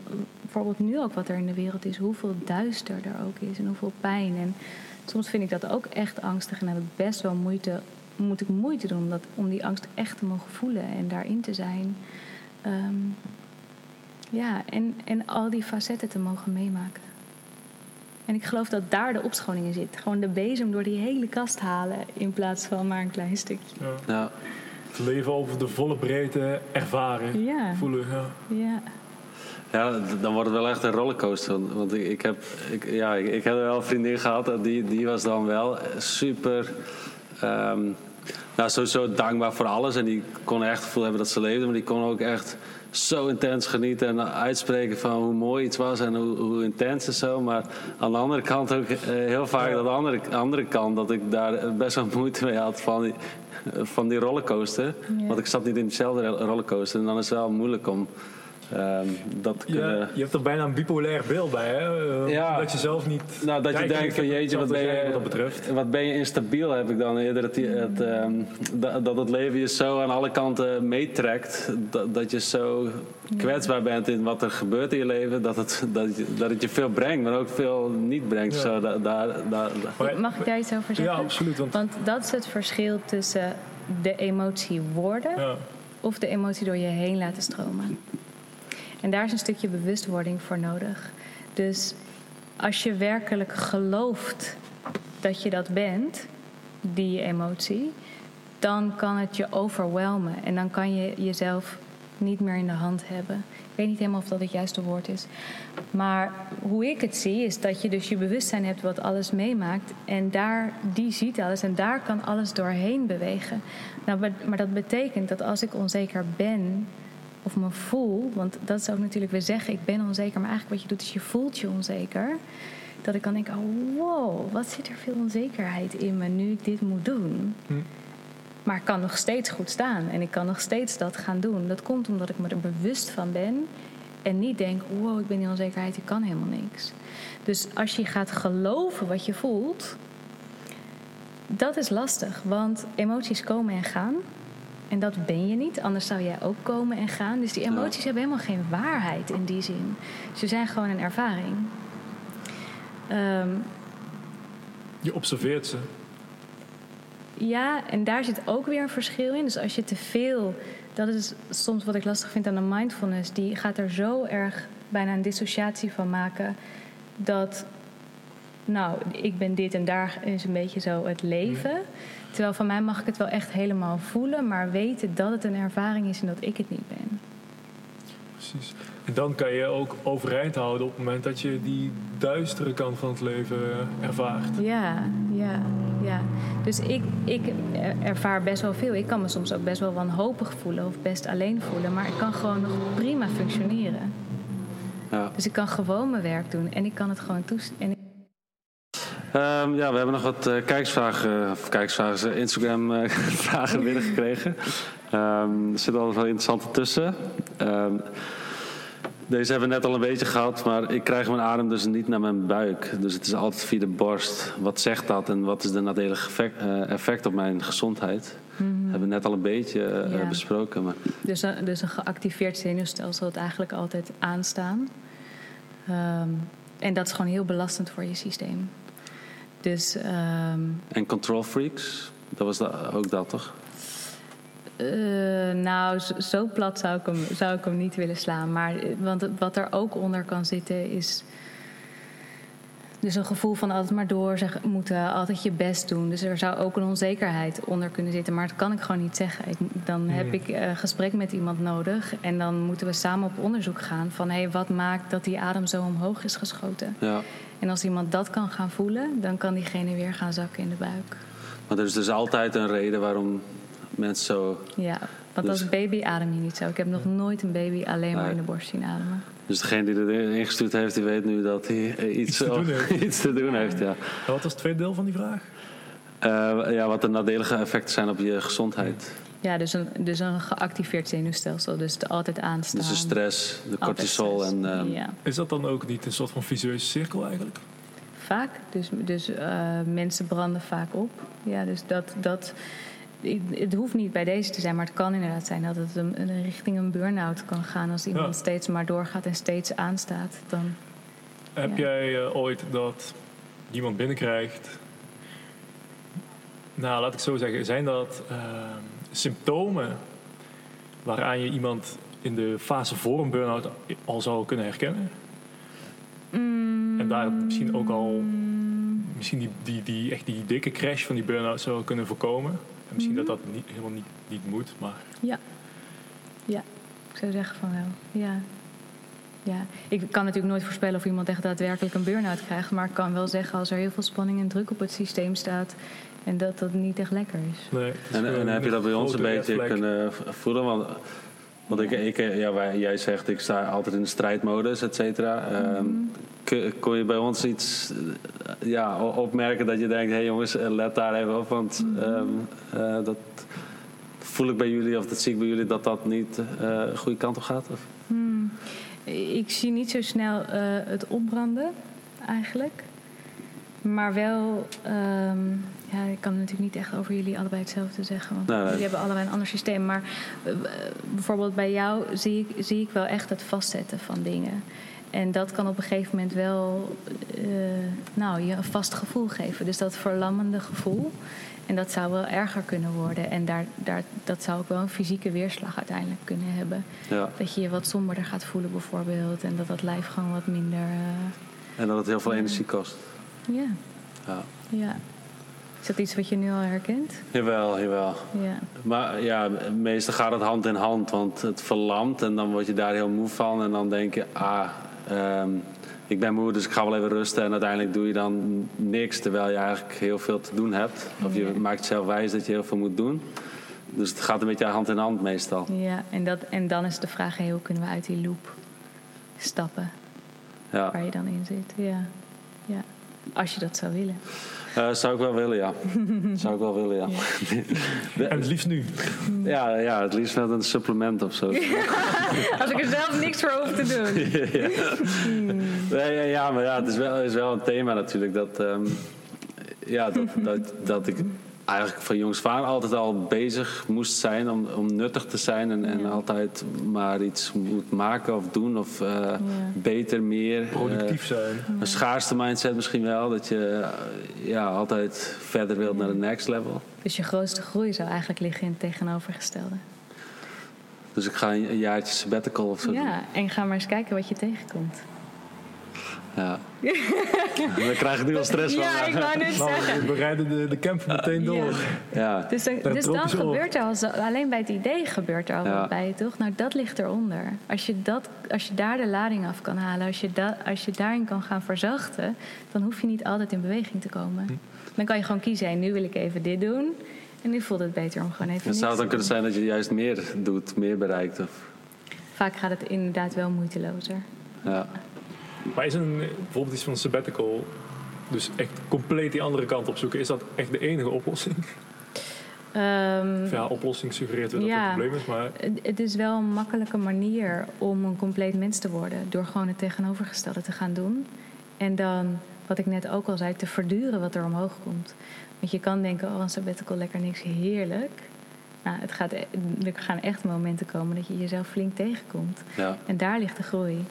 Um, dus daar kijk ik ook altijd van naar. Hey, wat is het systeem van iemand en wat heeft diegene nodig om eigenlijk dat wat daar tegenovergesteld is, daarnaar te openen? Want dat maakt je een compleet mens. Ik, ik heb het dus al een keer geprobeerd. Ik, een jaar, ik zou een jaar reizen, maar ik heb hem dus eerder uh, gestopt oh, omdat ja. ik dacht. Uh, ik voel me nutteloos of zo. Ik, ja. ik, moet, ik moet weer aan de slag, want wow. ik moet dingen doen. Dus ik ben, ik ben, ik, ja, ik ben toen eerder gestopt met reizen. Ja, maar dat, was, dat is al zo'n mooie ervaring. Dat zit er dus onder. Wow. Dus als je niks doet, ben je nutteloos. Oké. Okay. Nou, nou, nutteloos in de zin van... Um, ja, ik zie, ik zie het leven zoveel kansen en mogelijkheden, ervaringen en avonturen en zo. En als je dan niks doet, dan verlies je tijd dat je wel iets moois kon doen ja, of zo. Ik denk dat tijd daar ook wel een sleutelwoord is. Dat, dat speelt voor mij ook een hele grote rol. Die, dat is weer een stukje schaarste. Je bent je zo bewust van dat er een limiet zit op je tijd hier. Ja. En dat is dan misschien weer terug te voeren naar een, uh, een angst voor de dood. In the end. Dus een stukje schaarste tijd. Ja. Ja, niet, niet zozeer in de dood voor mij, maar meer in dat ik dan niet meer kan leven. Eigenlijk. Dat ik denk, uh, dat ik denk, ah, kut, ik, ik, ik wil zoveel. Ik wil zoveel, maar, uh, ik, of ik heb, heb zoveel je, werk. Ja, maar dan heb je dus leven gekoppeld aan nuttig zijn. Dus dan is voor jou leven, eigenlijk als ik hem heel plat sla, leven is nuttig zijn. Nou, en, de, en de vraag is... Ja, zoveel mogelijk eruit halen eigenlijk. Ja. Maar de vraag is of je dat nu doet. Als je zegt van, hé, hey, ik kan eigenlijk niet genieten van momenten. Ik ga overal aan voorbij. Dus vaak denken we dat dat zo is, maar is dat daadwerkelijk zo? Ja, ik heb, ik heb dat wel eens gedacht. Dat ik dacht van, oké, ik heb een heel mooi fotoboek. En dat voelt dan uh, leuk. Van, oh kijk, ik ben daar geweest, ik heb dit gedaan en dat. Alleen, um, ja, het, het, voelt niet alsof ik erbij was of zo, weet je wel. Yeah. Dus eigenlijk heb je een mooi fotoboek, maar uh, niet van binnen. En dan, yeah. dan is het ja, is het wel zonde, zonde van die tijd eigenlijk. ja. ja. Nou ja, dat ligt voor mij dan een belangrijke les dan. Uit dit. Ja. Uh, de andere is, um, kun je met ademhalingsoefeningen ook minder um, last van allergieën krijgen? Zoals hooikoorts of, uh, of iets dergelijks. Ja. Uh, ja, dit vind ik dus heel lastig. Ik, het enige wat ik kan zeggen, het zou kunnen. Ja, precies. Ja. Je mag geen eh, medisch advies of zoiets zeggen, nee. dat snap ik. Maar, nee. uh, de adem kan er zeker, zeker wat mee doen, ja. ja. Maar dan niet alleen fysiek, maar vooral ook...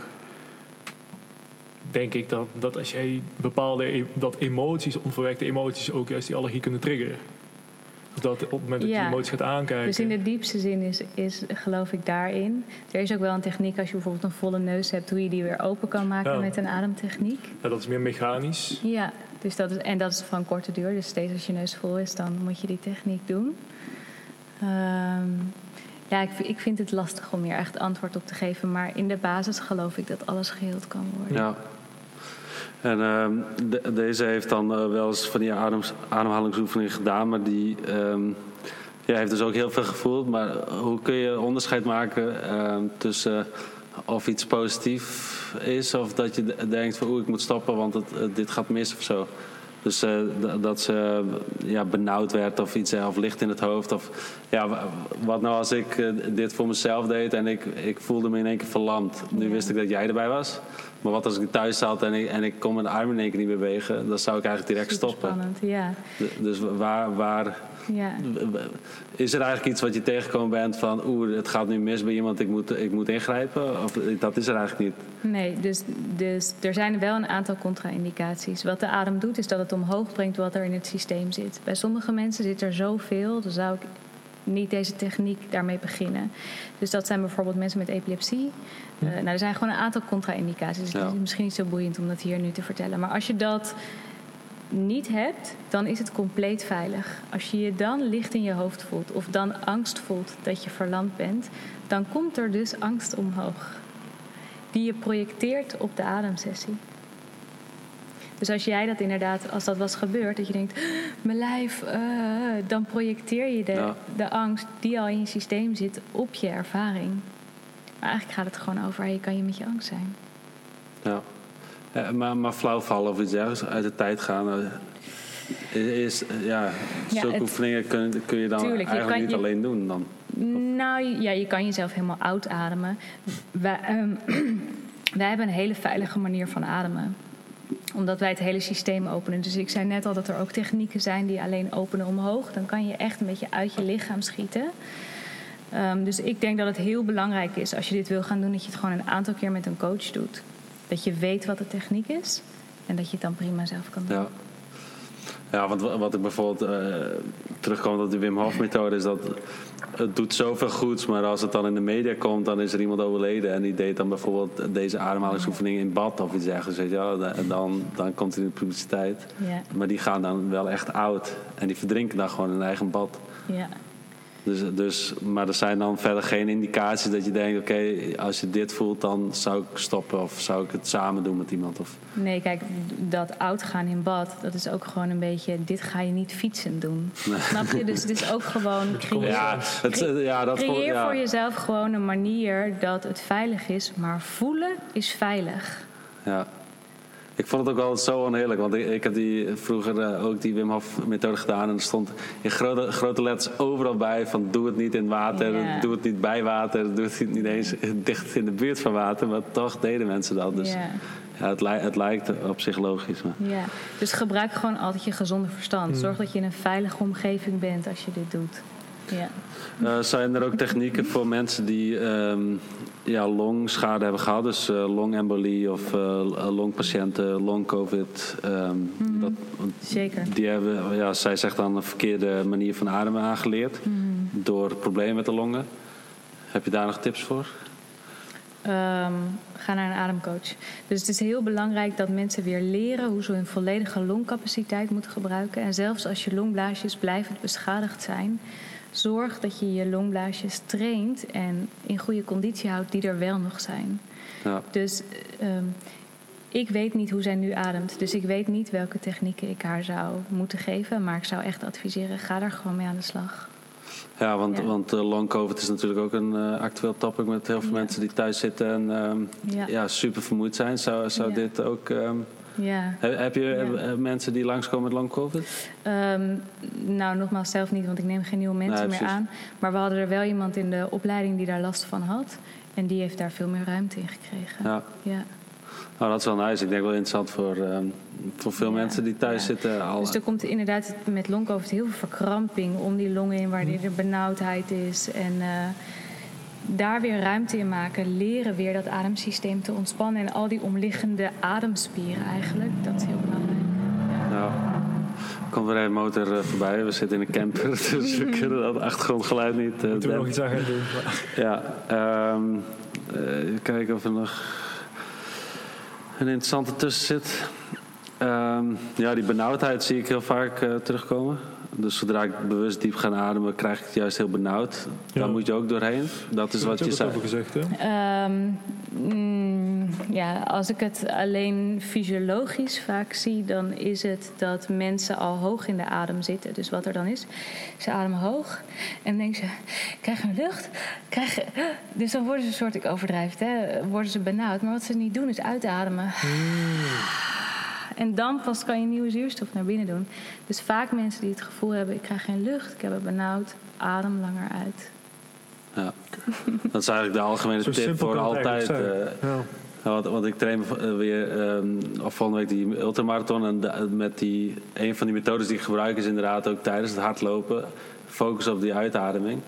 Want dan adem je uh, minder in per minuut, waardoor je hartslag ook minder snel omhoog gaat en waardoor je eigenlijk veel verder en langer kunt lopen. Ja. Dus eigenlijk is dat uitademen is Mega belangrijk. altijd uh, ja. een belangrijk ding. Ja. Ja. Um, ja, afvallen door anders ademhalen. Ik denk dat daar ook um, wel een kern van waarheid uh, zit. Ja, um, ik, ik weet niet hoe het werkt. Ik heb er een keer een stuk over gelezen van Dan Brulé. Als mensen dat willen opzoeken, is een waanzinnige adem, ademinstructeur. Uh, maar mensen vallen inderdaad af met ademen. Ja, ik weet niet hoe dat precies fysiologisch in elkaar zit. Nou, misschien ook omdat je meer naar je parasympathische systeem ja, precies. Ja. Dus ook de, ja, het stress. Stress kan natuurlijk zorgen dat je of, of meer eet... of je juist meer um, suikerrijke voeding wilt eten... meer snacks uh, wilt hebben. Ja, maar vaak is het niet zozeer dat mensen wat veranderen aan hun eten... als wel dat het gewoon door het ademen gebeurt. Ja. ja. ja. Nee, maar ik denk dat je metabolisme ook gewoon beter in balans raakt... naarmate je ook meer balans hebt tussen sympathisch en parasympathisch. Ja, ja zeker. Ja, nou, ja, natuurlijk stress. Stress is daar een groot boosdoener in. Ja. Grote boosdoener.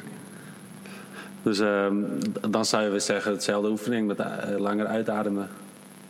Ja, terwijl wij dus altijd deze techniek doen die ik met jullie deed. En dat is niet per se langer uitademen. Nee. Dus ik moet een beetje in gebreken blijven bij het antwoord.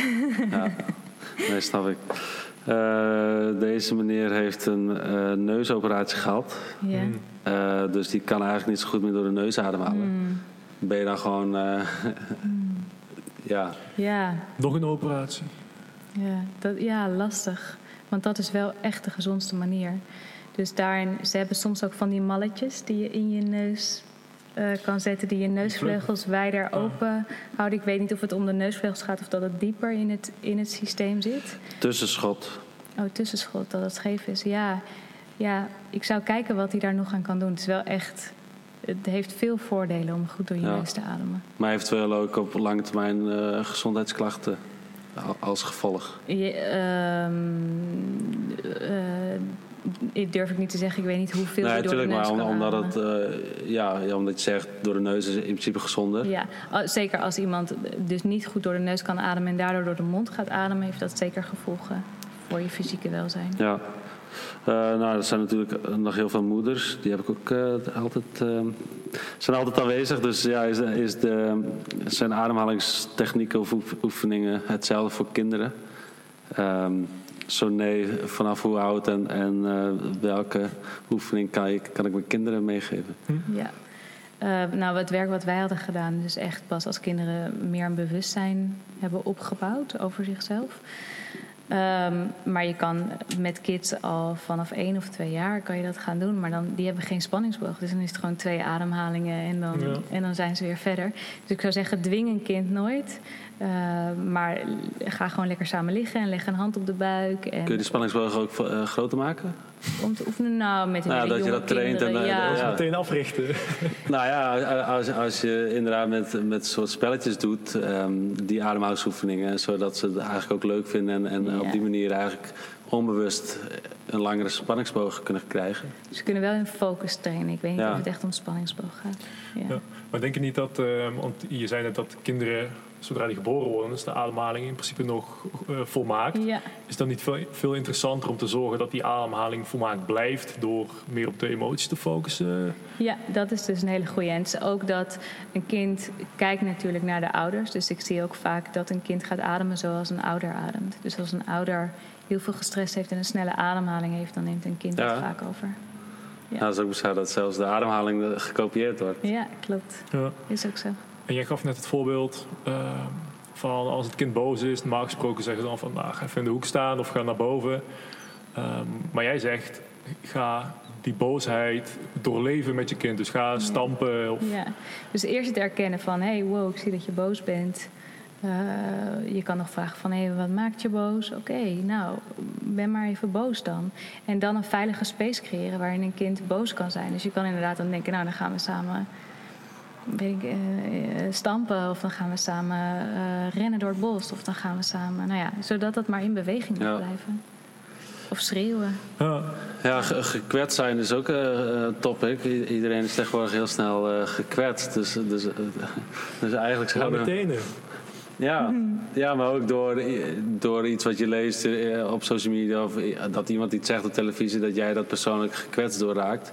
Um, dat komt dus eigenlijk ook weer door hetzelfde. Ja, ik zal dan inderdaad gaan kijken wat in jou geraakt wordt van de buitenwereld. Want dat zegt iets over jou. Ja. Want als iemand hetzelfde tegen jou zegt, dan kan het bijvoorbeeld jou niet kwetsen en mij wel. Dus dan gaat het niet zozeer over wat diegene zegt, maar wel over hoe ik in elkaar zit. Hm.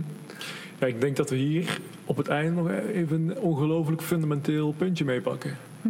Want ja, wat jij zegt, dat is inderdaad een groot probleem. Iedereen is constant beledigd, ook selectief verontwaardigd natuurlijk. Ja. Um, en wat we daarmee doen is dat we, ja, we wijzen het liefst hè, van uh, jij dit, jij dit dat. Ja, cancelcultuur. Ja, precies. Maar wat jij dus eigenlijk zegt is, in plaats van wijzen naar buiten gaan, eh, kijk eens naar binnen van waarom doet mij dit zoveel? Uh, wat zegt het over mij? Ja. Dus dat is eigenlijk waar we mee begonnen. Van ja, ik zou zeggen, ja. Van over mijn schoolperiode. Ja. Er is dus iets in mijn systeem gekomen. En dat heb ik steeds aangetrokken op verschillende manieren. Totdat ik bij mezelf ging kijken. hey, wat wordt er nou in mij geraakt en kan ik dat zelf helen? En dus mezelf goed genoeg vinden. En dan raakt het me ook niet hm. meer wat anderen zeggen. Ja. Ja. Betekent het dan ook dat als jij al die lagen van jezelf hebt afgepeld, als het ware, mhm. dat je dan onaanraakbaar wordt op die manier? Dat je dan niet meer te raken bent? Mm. Word jij nog wel eens geraakt? Oh, zeker. Dus, uh, maar voor mij zit er, uh, uh, zijn het verschillende lagen. Dus ik herken nog steeds thema's in mezelf ook wat ik net uh, uh, dat voorbeeld gaf van de opleiding, weet je wel, van die projecties van mensen. Eerst was ik echt volledig uit het veld geslagen. Hm. Voelde ik echt zo, oh, ik heb het niet goed gedaan en ze vinden er iets van. Ik voelde dit helemaal verkrampen. En nu kan ik zo voelen, oh ja, wow, ik vind het nog best wel heftig als mensen zeggen, je doet het niet goed. Maar kan nu ook voelen, oh, dat is eigenlijk iets ouds in mij. En dan kan ik weer aanwezig zijn en gewoon gaan onderzoeken van... hé, hey, zit er een kern van waarheid in wat ze zeggen? Dan kan ik daar zelf iets van leren. Ja. Of is dat eigenlijk hun pijn en kunnen we daar samen aanwezig bij zijn en naar kijken? Want, want hoe doe je dat? Want, want ik krijg natuurlijk op Instagram ongelooflijk veel... Eh, of ongelooflijk... Eh, in de, in, de, in de jaren gewoon heb ik zoveel mensen in mijn DM's gehad... die heel boos waren op mij of, of uh, heel, heel erg getriggerd. Maar wat ik gemerkt heb, als ik dan zeg maar heel lief terug doe en, en ik zeg ah, het ligt bij jou, et, et cetera, of spiegel of iets dergelijks, dan worden ze vaak eigenlijk nog bozer.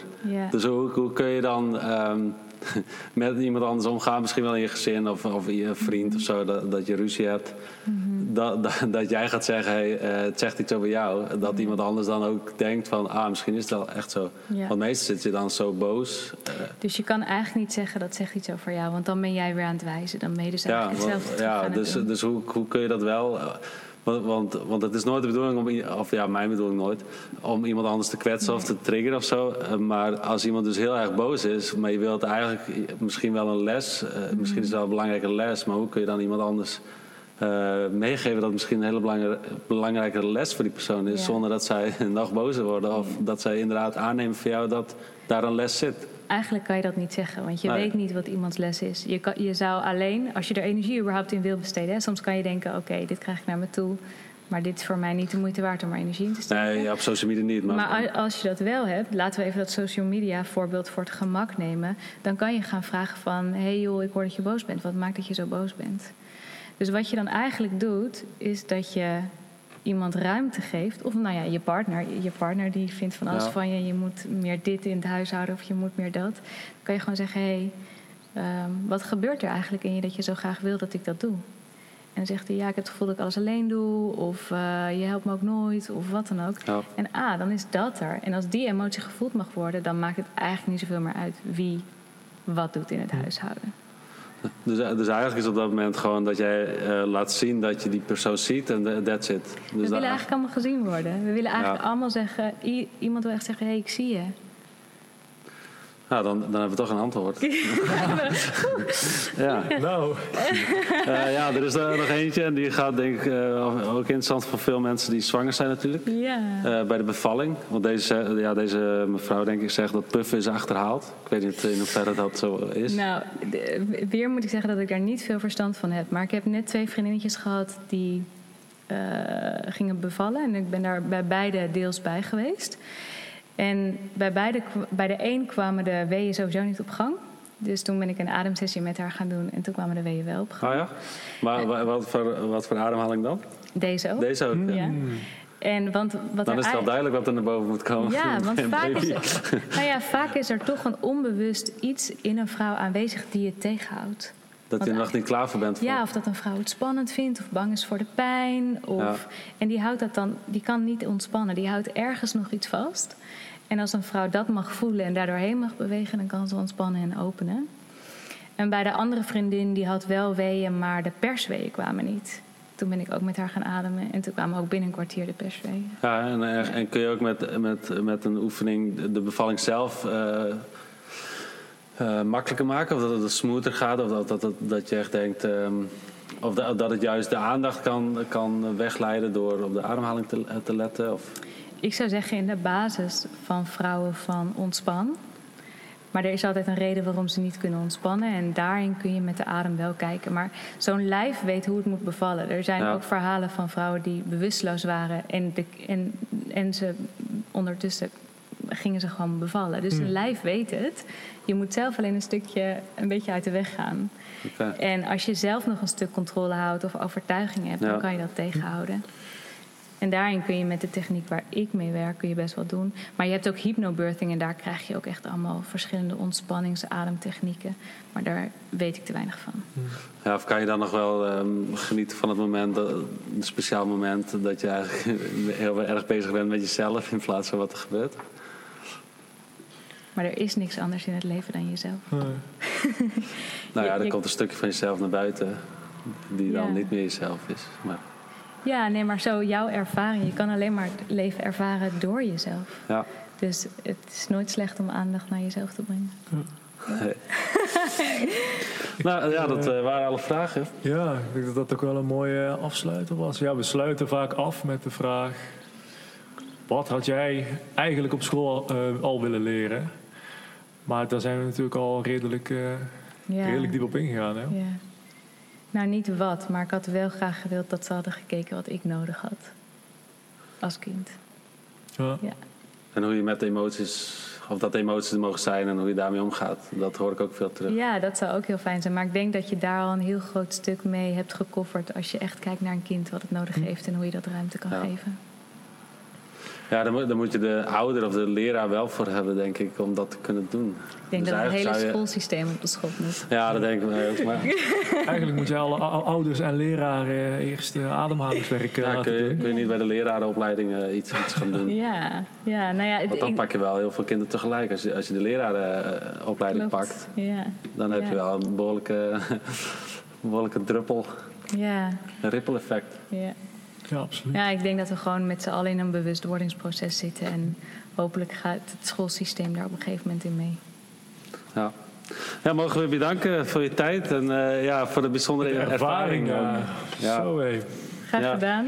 Dan gaan we nog... Uh, dan gaan, we nog even, gaan we nog even herkouwen. Ja. ja. maar ja, er komt zeker een vervolg ook. Ja, ja. nou leuk. Dankjewel voor de uitnodiging, jongens. Graag gedaan. Top dat het was.